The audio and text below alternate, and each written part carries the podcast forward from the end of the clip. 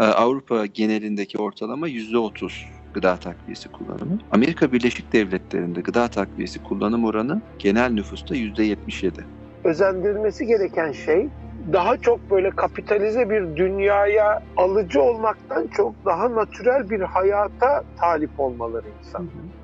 Reçete yazıyorum ve ilaç ruhsatı olan şeyleri kullanıyoruz. 10 damlasında bunun 500 ünite D vitamini vardır. Buna e, sonuna kadar güvenebilirsiniz.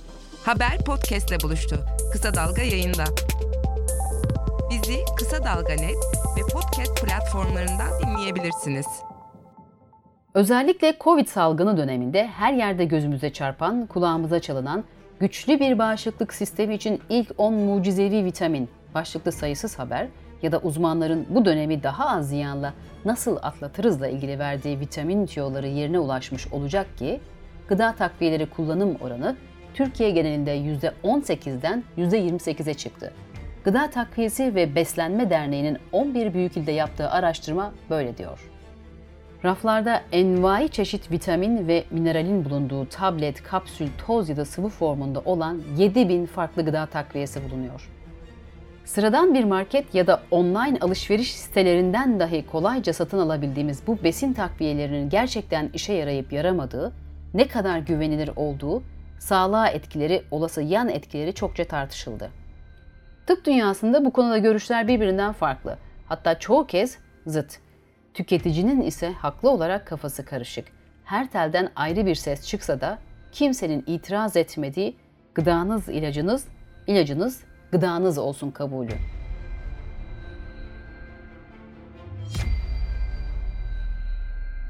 Vitamin, mineral, antioksidanlar elbette çok önemli ama klasik formda alınmalı. Yani doğal gıdalardan görüşüne karşı günümüz kent yaşamında ihtiyacımız olan besin öğelerini yeterince alamıyor, tüketemiyoruz. Takviye gıdalar bu eksikliği tamamlar savunması yapılıyor. Öte yandan Türk Eczacılar Birliği'nin kamuoyuna yaptığı ve henüz çok güncel olan açıklama tartışmaları daha ciddi bir boyuta taşıdı. Şöyle deniyordu açıklamada. Pek çok ülkede olduğu gibi Türkiye'de de gittikçe büyüyen internet ilaç satışı halk sağlığını tehdit etmeye, ağır sağlık sorunlarına yol açmaya, sonu ölüme varan zararlar vermeye devam ediyor. Dünya Sağlık Örgütü'nün verileri de olayın vahametini doğruluyor, internetten satılan ilaçların yarısının sahte olduğunu gösteriyor. İlaçların, bitkisel ilaçların, gıda takviyelerinin internetten satışı ivedilikle yasaklanmalı. Bu ürünler sadece eczacı danışmanlığında halka ulaştırılıp Sağlık Bakanlığı tarafından ruhsatlandırılmalı. Ben Kısa Dalga Podcast'ten Pervin Metin.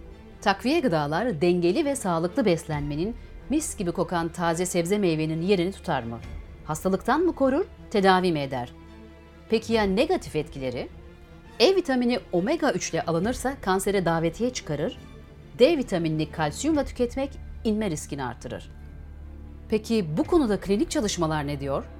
Ürünlerdeki gerçek vitamin miktarlarını, Türkiye'deki yasal düzenlemeleri, her iddiayı, aklımızdaki her sorunun cevabını işinin ehli isimlere sorduk. Bu ürünleri kullanıyor ya da kullanmaya karar verdiyseniz önce bu dosyamıza kulak vermenizi öneririz.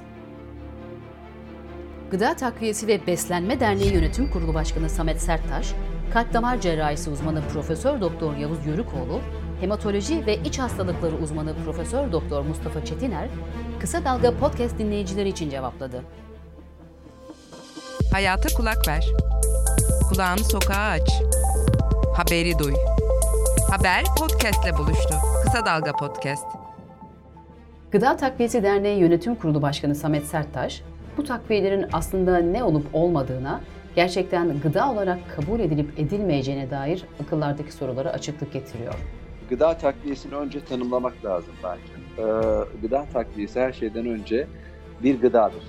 Ee, bu tanımı nereden alıyorsunuz derseniz, e, gıdaların mevzuatlarını yapan Birleşmiş Milletler'in nezdinde çalışan FAO'nun bir alt organizasyonu olan CODEX e, çalışma grubu var. Ve CODEX bize e, bunun bir gıda olduğunu ve gıda olarak mevzuatların içerisinde tanımlanmasını gerektiğini söylüyor. Peki gıdadan ayıran özellikleri nedir diye baktığımızda gıda takviyeleri kapsül, tablet, saşe gibi aslında sizin çok gıda olarak tüketmeye alışmadığınız formlarda gıda takviyesi bu formlarda kullanılmak zorunda olan ve üretilmek zorunda olan dozajlı form diyoruz biz buna. Doz ile satılması gereken ve üretilmesi gereken ve bir fonksiyonel faydası olması gereken gıda olarak tanımlanmış. Tabi bunlar vitamin mineraller olabiliyor. İşte hepimizin bildiği A, B, C, D, E diye devam eden vitamin ve mineraller olabiliyor veya kalsiyum, magnezyum gibi mineraller olabiliyor. Veya da bitkisel gıda takviyeleri olabiliyor. Aslında her besin ögesinin içerisinde e, vitaminler var. Var da biz neden ihtiyaç duyuyoruz bu takviyelere? Çünkü yeteri kadar tüketmiyoruz. E, şehir hayatı içerisinde öğün atlıyoruz veya mısır gevrekleriyle geçiştiriyoruz. İşte bu geçiştirmelerin neticesinde almamız gereken vitamin ve mineralleri e, eksik alıyoruz. Yapılan araştırmalar içerisinde e, günümüzde, günümüzde kullandığımız yeşil e, sebze ve meyveler ile daha önceki yeşil sebze ve meyveleri kıyasladığımızda vitamin ve mineralleri açısından fark gözlemlenmiş. İnsan bugün daha hareketli, daha çok düşünüyor, daha çok hareket ediyor ve daha çok enerjiye ve vitamine, minerale ihtiyaç duyuyor. Bunlar aslında biraz şehirleşmenin, stresli yaşamın getirmiş olduğu ihtiyaçlar diye düşünüyorum ben birçok vitamin ve mineralde aslında gelişmiş dediğimiz ülkelerde protein tüketiminin yoğun olduğu et, e, balık, e, tavuk gibi proteince zengin gıdaların, vitamince zengin gıdaların yoğun tüketildiği ülkelerde bile kişilerin alması gereken vitamin mineral değerlerinin daha düşük aldığını görmüşler. Dolayısıyla bu gıda takviyeleri aslında bu açığı kapatmak için e, ortaya çıkmış bir sektör diye düşünebiliriz bir et ile kıyasladığımızda, bir yumurta ile, bir süt ile kıyasladığımızda fiyatları daha e, uygun kalıyor. Ama eksikliğinde eksikliğinde ciddi sorunlar yaşıyor. Kıyasladığımızda etin ya da sütün yerini hiçbir zaman tutmazlar ama. Hiçbir zaman gıda takviyeleri normal gıdanın yerine e, geçebilecek bir e, ürün değil. No, zaten adı üstünde takviye. Evet. E, değil mi? Takviye etmek için yani normal günlük beslenmemizi takviye etmek için e, üretilmiş e, ürün grupları bunlar. Profesör Doktor Yavuz Yörükoğlu ise mevsimsel ve içgüdüsel beslenildiği takdirde vücudun başka hiçbir ek besine ihtiyacı olmadığını söylüyor. Elbette olağan dışı durumlar hariç normal şartlarda normal beslenen insanlarda, dengeli beslenen kişilerde vitamin eksikliği normalde zaten gözükmez. Çocuk olsun büyük olsun eğer dengeli besleniyorsa ekstra takviyelere pek gerek olmuyor. Kan tahlili sonucunda bir takım eksiklikler şunlar bunlar tespit edilirse o zaman tabii desteklenebilir. Ama boyu uzasın diye şunu verelim işte şöyle olsun diye şunu verelim bence biraz zorlama eskiden artık yok ama Türkiye'de bundan 30-40 sene önce hamile kadınlarda toprak yeme alışkanlığı vardı. Şimdi o yıllarda iyi beslenemeyen hamile kadınlar e, içgüdüsel bir şekilde içinde demir içeriği yüksek olan toprak yeniliyor ve bu e, tıp literatürüne geçmiş şeyler. Çok zaman hepimiz yaşamışsınızdır. Bazı zaman canınız tuzlu bir şey ister. O metabolizmanın size tuz yemeniz gerektiğini söylüyor. Bazı zaman ekşi bir şey ister canınız. İşte o zaman metabolizma demek ki size ekşi nerede var? İşte e, portakalda, limonda, şunda, bunda var. C vitamini eksikliğini size bildirmenin bir yolu bu. Şimdi en sağlıklı toplumlar mesela Akdeniz tarzı beslenme, Akdeniz diyeti dedikleri şeyde insanlar senede 4 ay domates yerler. Domates bittiği zaman domates yenmez. Bitti. O mevsimde başka şey çıkar. Brokoli çıkar, ıspanak çıkar, şu çıkar, onu yerler. Siz, biz mevsimsel yediğimiz zaman zaten e, doğa bize belirli dönemlerde almamız gereken şeyleri dikte ediyor. Dolayısıyla içgüdüsel beslenmek lazım, sağlıklı beslenmek lazım, mevsiminde beslenmek lazım. Esasen normal şartlarda gıda takviyeleri pek gerekli olmuyor. Ben e, şahsen e, bunların doğal kaynaklardan yani taze meyve, sebze ve salatalardan, bakliyattan ve işte yemişlerden alınmasını tavsiye ediyorum. Peki bu D vitaminini ve diğer vitaminleri de almadan önce bir doktora ya da uzmana danışmak gerekir mi? Ya da hani e, ben kendimi kötü hissediyorum galiba D vitaminim düştü, yorgunum, bitkinim e, diyen doktora danışmadan gidip alıyor mu? Ya da almalı mı? Yok şimdi şöyle söyleyeyim e, D vitamininin eksikliğinin bir belirtisi yok. Bunu e, bir test yaptırmadan anlamak mümkün değil. Ancak genelde dediğim gibi eğer yeteri kadar güneş gör, görmüyorsa insanlar, yeteri kadar balık tüketmiyorlarsa D vitamini düzeyleri özellikle sonbahar kış aylarında giderek azalmaya başlıyor. Dolayısıyla illa bir tetkik yaptırmak bence şart değil. Dolayısıyla normal dahi olsa sonbahar kış aylarında ve özellikle bu Covid döneminde D vitamini takviyesini kafadan almakta bence büyük fayda var. D vitamininin faydalı olduğu konusunda en ufak bir şüphe yok. Ama bu gerçeği kullanıp millete abu, abuk sabuk bir takım şeyler satmak işte sahtekarlık orada. Şimdi halk işte o zaman hangisine inanacağını, hangisine güveneceğini bilemiyor haklı olarak. D vitamini kalsiyumla birlikte kullanıldığında inme riski ortaya çıkıyor diye bazı e, araştırmalar yapılmış. Benim en azından gördüğüm, okuduğum kadarıyla bunların e, geçerliliği nedir acaba ya da inanırlılığı? Şimdi onlar e, teorik olarak doğru. Yani çok yüksek dozda D vitamini kalsiyumla birlikte alındığında işte zaten biliyorsunuz D vitamininin e, geleneksel klasik görevi e, kemik yapımında ki rolüdür. E, onunla meşhurdur. E, D vitamini kalsiyumla birlikte işte kemik yapımına neden oluyor ama aynı şey yüksek dozda alındığında böbrek taşı gibi, safra kesesi taşı gibi hatta damarlarda e, kireçlenmeye varabilir. Ancak bunlar çok ekstrem durumlar. Yani çok uzun süre yüksek doz D vitamini, yüksek doz kalsiyum alan kişilerde görülebilecek bir şey. Yani bu yan etkilerini düşünerek e, bunu kullanmamak bence doğru değil. İnsanlar bazı zaman işte D vitamini faydalı dendi diye oturup alınması gereken dozun 10 kat fazlasını alıyor. Bir şey faydalı diye daha fazlası daha faydalı değil.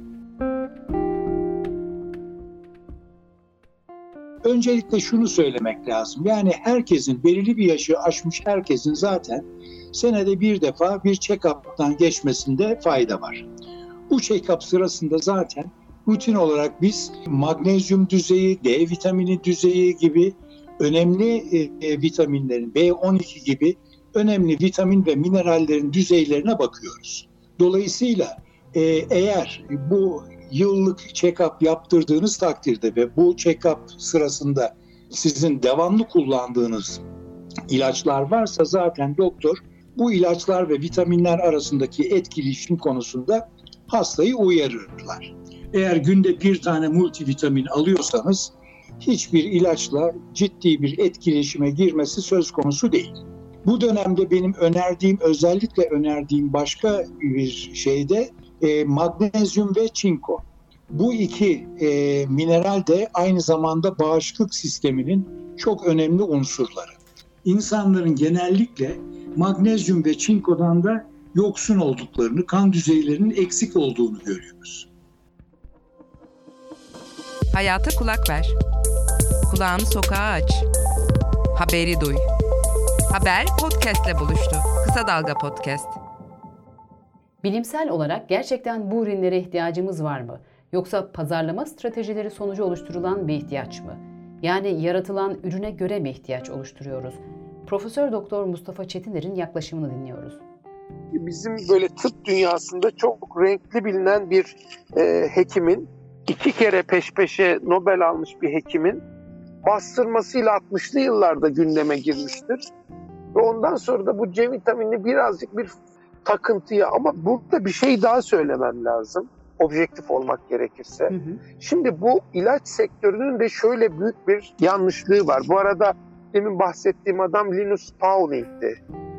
C vitamini o kadar kolay ve çabuk ulaşılabilir bir ürün ki ve o kadar hani patentlenmesi imkansız bir şey ki kimse C vitamininin mesela kanser tedavisinde gerçekten etkili olup olmadığıyla ilgili bir klinik çalışma yürütmüyor. İlaç alanında yürütülen neredeyse bütün klinik çalışmalar aslında ilaç firmaları tarafından düzenleniyor. Bu çok büyük bir problemdir. Çok yüksek dozda C vitamininin kanser hücrelerini kontrol edebileceği ile ilgili ciddiye alınması gereken bir takım laboratuvar çalışmaları olduğu halde o laboratuvar çalışmaları klinik çalışmalara taşınmadı. Çünkü e, o etki gösterildiğinde hiçbir ilaç firmasına bir faydası yoktur onun. Yani endüstriyel tıbbın kapısının önü de çok temiz değil yani. Bazı gözlemsel çalışmalar mesela omega 3 kullanımıyla prostat kanseri arasında bir ilişki gösterdi. Mesela B, B12 vitamini kullanımıyla özellikle sigara içenlerde akciğer kanserinin riskinin arttığını da gösterdi. Bunlar da gözlemsel çalışma. Göz, evet gözlemsel çalışmalar ve bunlara itiraz edilebilir. Su götürür de yani. Ama bunların faydalı olduğunu söyleyen çalışmalar da gözlemsel çalışmalar. Mesela yüzlerce, yüz, yani on binlerce diyeyim sana e, postmenopozal kadında vitamin takviyesi alanlarla almayanların karşılaştırıldığı bir çalışma alanlarda hiçbir avantaj olmadığını gösterdi mesela. Bu da var benim şey. Hiçbir işe yaramamış. Yani boş almışlar. Hayır hiçbir bir şey. Hiç evet aynen öyle.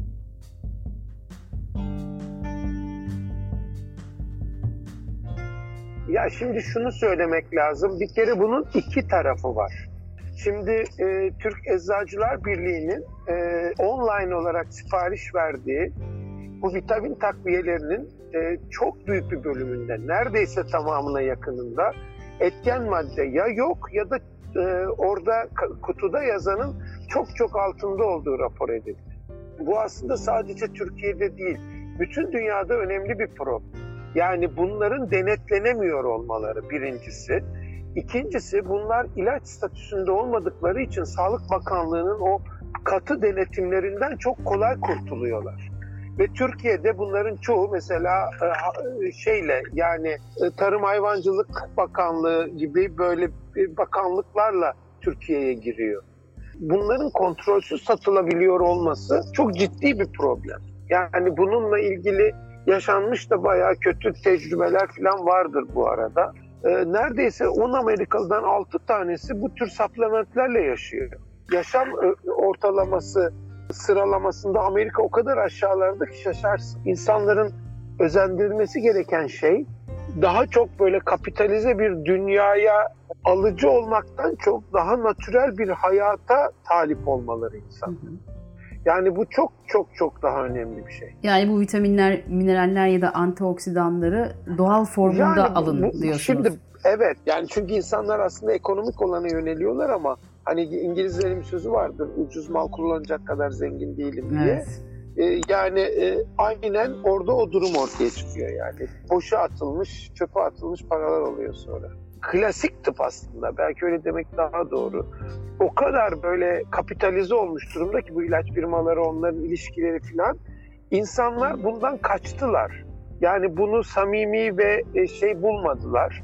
Ve buradan daha doğala yöneldiler. Ama bu doğal bir ikinci yine e, pazar yarattı. Anlatabiliyor muyum? Yani e, o da başka türlü bir başka pazarın kurbanı oldu. Yani Türkiye'de filan da bu çok var.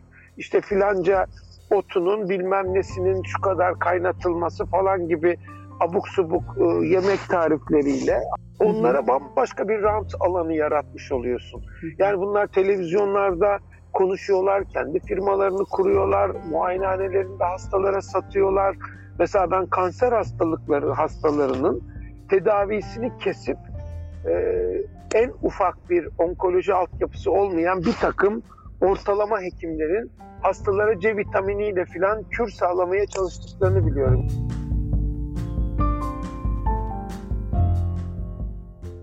Bitkisel ilaçlar ve gıda takviyeleri sadece eczacı danışmanlığında halka ulaştırılsa, söz konusu ürünler Sağlık Bakanlığı tarafından ruhsatlandırılsa içimiz daha rahat edecek belki. Ancak Samet Serttaş'a göre zaten gerekli analiz ve denetimler Tarım Bakanlığı tarafından eksiksiz yapılıyor. Birincisi gıda takviyeleri ülkemizde e, Tarım ve Orman Bakanlığı tarafından denetleniyor. Gıda takviyesi üretmek isteyen bir firma ürününün bileşeni etiketiyle beraber Tarım ve Orman Bakanlığı'na başvuruyor. Tarım ve Orman Bakanlığı'nın belirlediği limitler var. Örneğin işte A vitamini yapacaksanız içerisine şu kadardan az koyamazsınız, bu kadardan da fazla koyamazsınız diyor. Dolayısıyla ilk başta bunu bileşen listenizle beraber Tarım Orman Bakanlığı'na başvuruyorsunuz ve o bakanlık inceledikten sonra size bir onay veriyor.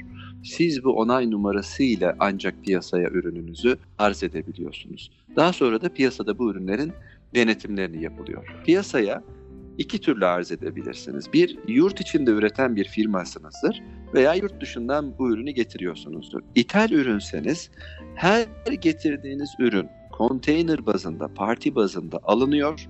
Her ürün alınıyor, laboratuvara gönderiliyor, test ediliyor. Test sonucu çıkmadan siz o ürünü gümrükten kıpırdatamazsınız.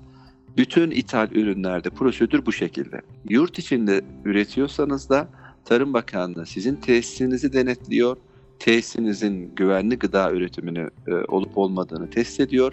Daha sonra da ister yurt içinde üretin, ister yurt dışında üretin satış noktalarını geziyor. Tarım Bakanlığı istediği yerden istediği kadar ürün numunesi alabilir. Ürün numunesi alıyor ve bunu teste götürüyor. Bu ürünler için onay mekanizması nasıl işliyor? Üretim yapılan yerlere gidildiğinde ürünlerin içeriğindeki oran analiz ediliyor mu? Ya piyasaya çıktıktan sonraki denetim süreci nasıl takip ediliyor? Detaylarını Samet Serttaş'a soruyoruz. Ee, burada iki tür e, denetim olabilir. Birisi gıda güvenliği denetimi. Ee, bu şu demek oluyor. Yani siz bu ürünü üretirken e, tüketicinin e, güvenliğini zedeleyecek bir bileşen burada var mı? Bunlar ağır metal olabilir, toz olabilir, bulaşan zirai kalıntı olabilir vesaire. Gıda tesislerinde olabilecek her türlü şey. E, tüketici sağlığını tehlikeye düşürebilecek her türlü konu. Bu en hassas olunan konu ve bence de en hassas olunması gereken konu. İki ise sizin buyurduğunuz gibi ürünün vaat ettiği kalite var mı? Ona bakmak gerekiyor. Çünkü vitamin ve mineraller belli bir e, oranın altında kaldığında hiçbir etkisi olmuyor. Dolayısıyla orada mutlaka belli bir limiti yakalamanız gerekiyor. Eğer onun altında koyarsanız hiçbir etkisi olmuyor vücuda. Mutlaka belli oranın üstüne çıkması gerekiyor. Sizin vücudunuzda beklediğiniz faydayı sağlaması için. Türkiye'de bu konuda yeterli laboratuvarları var. Ee, özellikle de vitamin minerallerin limitlerinin içinde ne kadar olduğunu, hangi tür olduğunu e, test edebilecek laboratuvar kapasitesi var, bakıyorlar. Ama bunun sıklığı yeterli mi, bu yeteri kadar denetleniyor mu derseniz, hani e, denetim belli bir yere geldi ama hala gidilecek mesafe olduğu kanaatindeyim ben de. Tüketici olarak bu ürünlerin doğal olup olmadığını etken maddelerinin beyan edilen oranlarında olup olmadığını nasıl anlarız? Ya da bu mümkün mü? Profesör Doktor Yörükoğlu'na göre bu neredeyse imkansız. Biz bile anlayamayız ki. Onu onu imal eden firma dışında hiç kimse içinde ne olduğunu, kalitesinin ne olduğunu, etkinliğinin ne olduğunu bilmesi mümkün değil. Onun için zaten çok önermiyor. İlaçlar Sağlık Bakanlığı tarafından denetlenir. Bunlar gıda takviyesidir. İlaç niteliği olmadığı için işte gıdaları denetleyen kurum da Tarım Bakanlığı'dır. Ama ne kadar denetleniyor, ne kadar analizleri yapılıyor o da meçhul. Çünkü şimdi ben dışarıdan bir gıda takviyesi ithal etmek istesem, firmayım, ondan sonra Tarım Bakanlığı'na müracaat ediyorum. Onlar diyorlar ki bunun analiz raporunu getir. E, analiz raporu nereden geliyor? İmal eden firmadan geliyor. Şimdi bu adamın doğru söylediğini ne ben bilebilirim ne bakanlık bilir. Çünkü bakanlık bunu ayrıca analiz yapmıyor.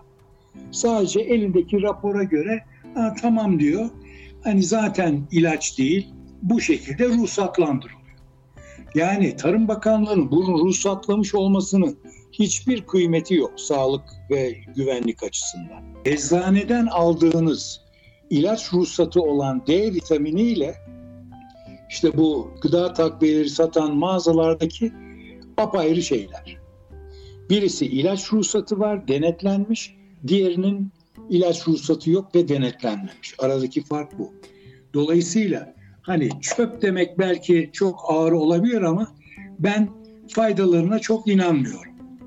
Onun için de önermiyorum. D vitamini, magnezyum önerdiğim kişilere de ben reçete yazıyorum. Gidin işte süpermarketten alın demiyorum.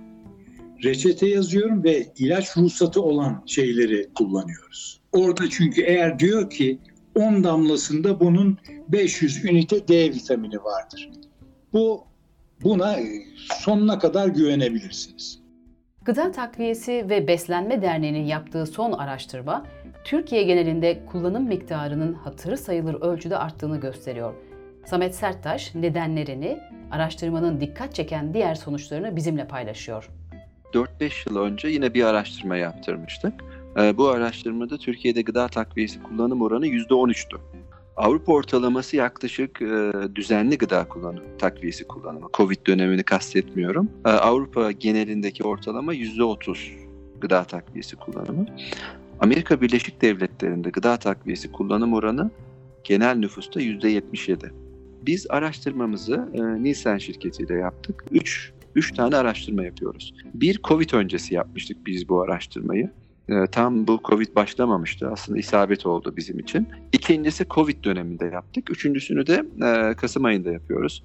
E, biz o zaman Covid'in biraz azalacağını düşünmüştük. Covid sonrası gibi e, planlamıştık. Ne kadar Türkiye'de iyimser yak- bir düşünceymiş. Evet, evet. Bugün geldiğimiz Değil noktada mi? aslında ne kadar iyimser yaklaşmışız onu görüyoruz. Ee, bu anketi biz e, 18 yaş ve üzeri her e, bir araştırmada minimum 600 kişi, 600 ile 1000 kişi arasında yaptık. Tüm büyük şehirleri kapsadık. İstanbul, Ankara, İzmir, Adana, Bursa, Erzurum, Antep, Kayseri, Malatya diye devam ediyor büyük şehirlerde. Covid öncesi yaptığımız ve Covid sonrası yaptığımızda da vatandaşlarımız hep sağlıklı beslendiğini düşünüyor aslında. Yaklaşık %65 oranında vatandaşa sorduğumuzda sağlıklı beslendiğini söylüyor. Ancak bir sonraki sorumuzda diyoruz ki hiç e, kaç öğün besleniyorsunuz? Sadece katılımcıların %50'si 3 öğün beslendiğini söylüyor. Hı. %62'si ise ara öğün tüketiyor, geri kalan ise hiç ara öğün tüketmediğini görüyoruz. Tabii kadınlar bu anlamda çok daha bilinçli Pervin Hanım. Kadınlar hem kahvaltı konusunda çok daha iyi hem de ara öğün tüketimi konusunda erkeklere göre bilinç düzeyi e, daha yüksek. Her iki araştırmada da biz bunu görüyoruz. Referans olarak e, katılımcıların %65'i gıda takviyesinin doktor tavsiyesiyle tükettiğini söylüyor. Ee, tabii bu çok ciddi bir oran. Yani Türkiye için bu özel bir şey. Biliyorsunuz Türkiye'de tıp doktorlarının güven endeksi e, oldukça yüksek. Her ne kadar bugün sağlıkçılara şiddetli konuşuyor olsak da hala e, Türk toplumu doktoruna, sağlıkçısına son derece güveniyor. E, %65'i ben kullanırken mutlaka doktora danışıyorum diyor. Reklamlardan etkilendiğini söyleyen sadece 18 ve 24 yaş arası genç kuşak sadece reklamlardan etkilendiğini söylüyor. Bunu niye satın alıyorsunuz diye sorduğumuzda %70'i bağışıklık sistemini güçlendirmek için satın aldığını söylüyor. Daha önce yaptığımız çalışmalarda bu böyle değildi. Daha önce yaptığımız çalışmalarda Türkiye'de eklem sağlığı birinciydi. Gıda takviyesi kullanan grup aslında oldukça bilinçli. Gıda takviyesi kullanan ve kadın olanlar çok daha bilinçli. Dolayısıyla çok araştırma yapıyorlar. Bunu ister çocuğuna versin, e, örneğin balık yağı olarak ister çocuğuna tükettirsin, isterse de kendisine ve ailesine alsın. Mutlaka ciddi bir araştırma yaparak ürünleri tüketiyor ve e, satın alıyor. Anlıyoruz ki gıda takviyesi tartışmaları uzunca bir süre daha devam edecek. Ancak sektör temsilcileri ve doktorların da tartışmasız uzlaştığı önerdiği şey, sağlıklı ve dengeli beslenme şeklini benimsemek, mucize gibi pazarlanan ürünleri büyük ümitlerle bel bağlamamak. Haber podcastle buluştu. Kısa Dalga yayında. Bizi Kısa Dalga Net ve podcast platformlarından dinleyebilirsiniz.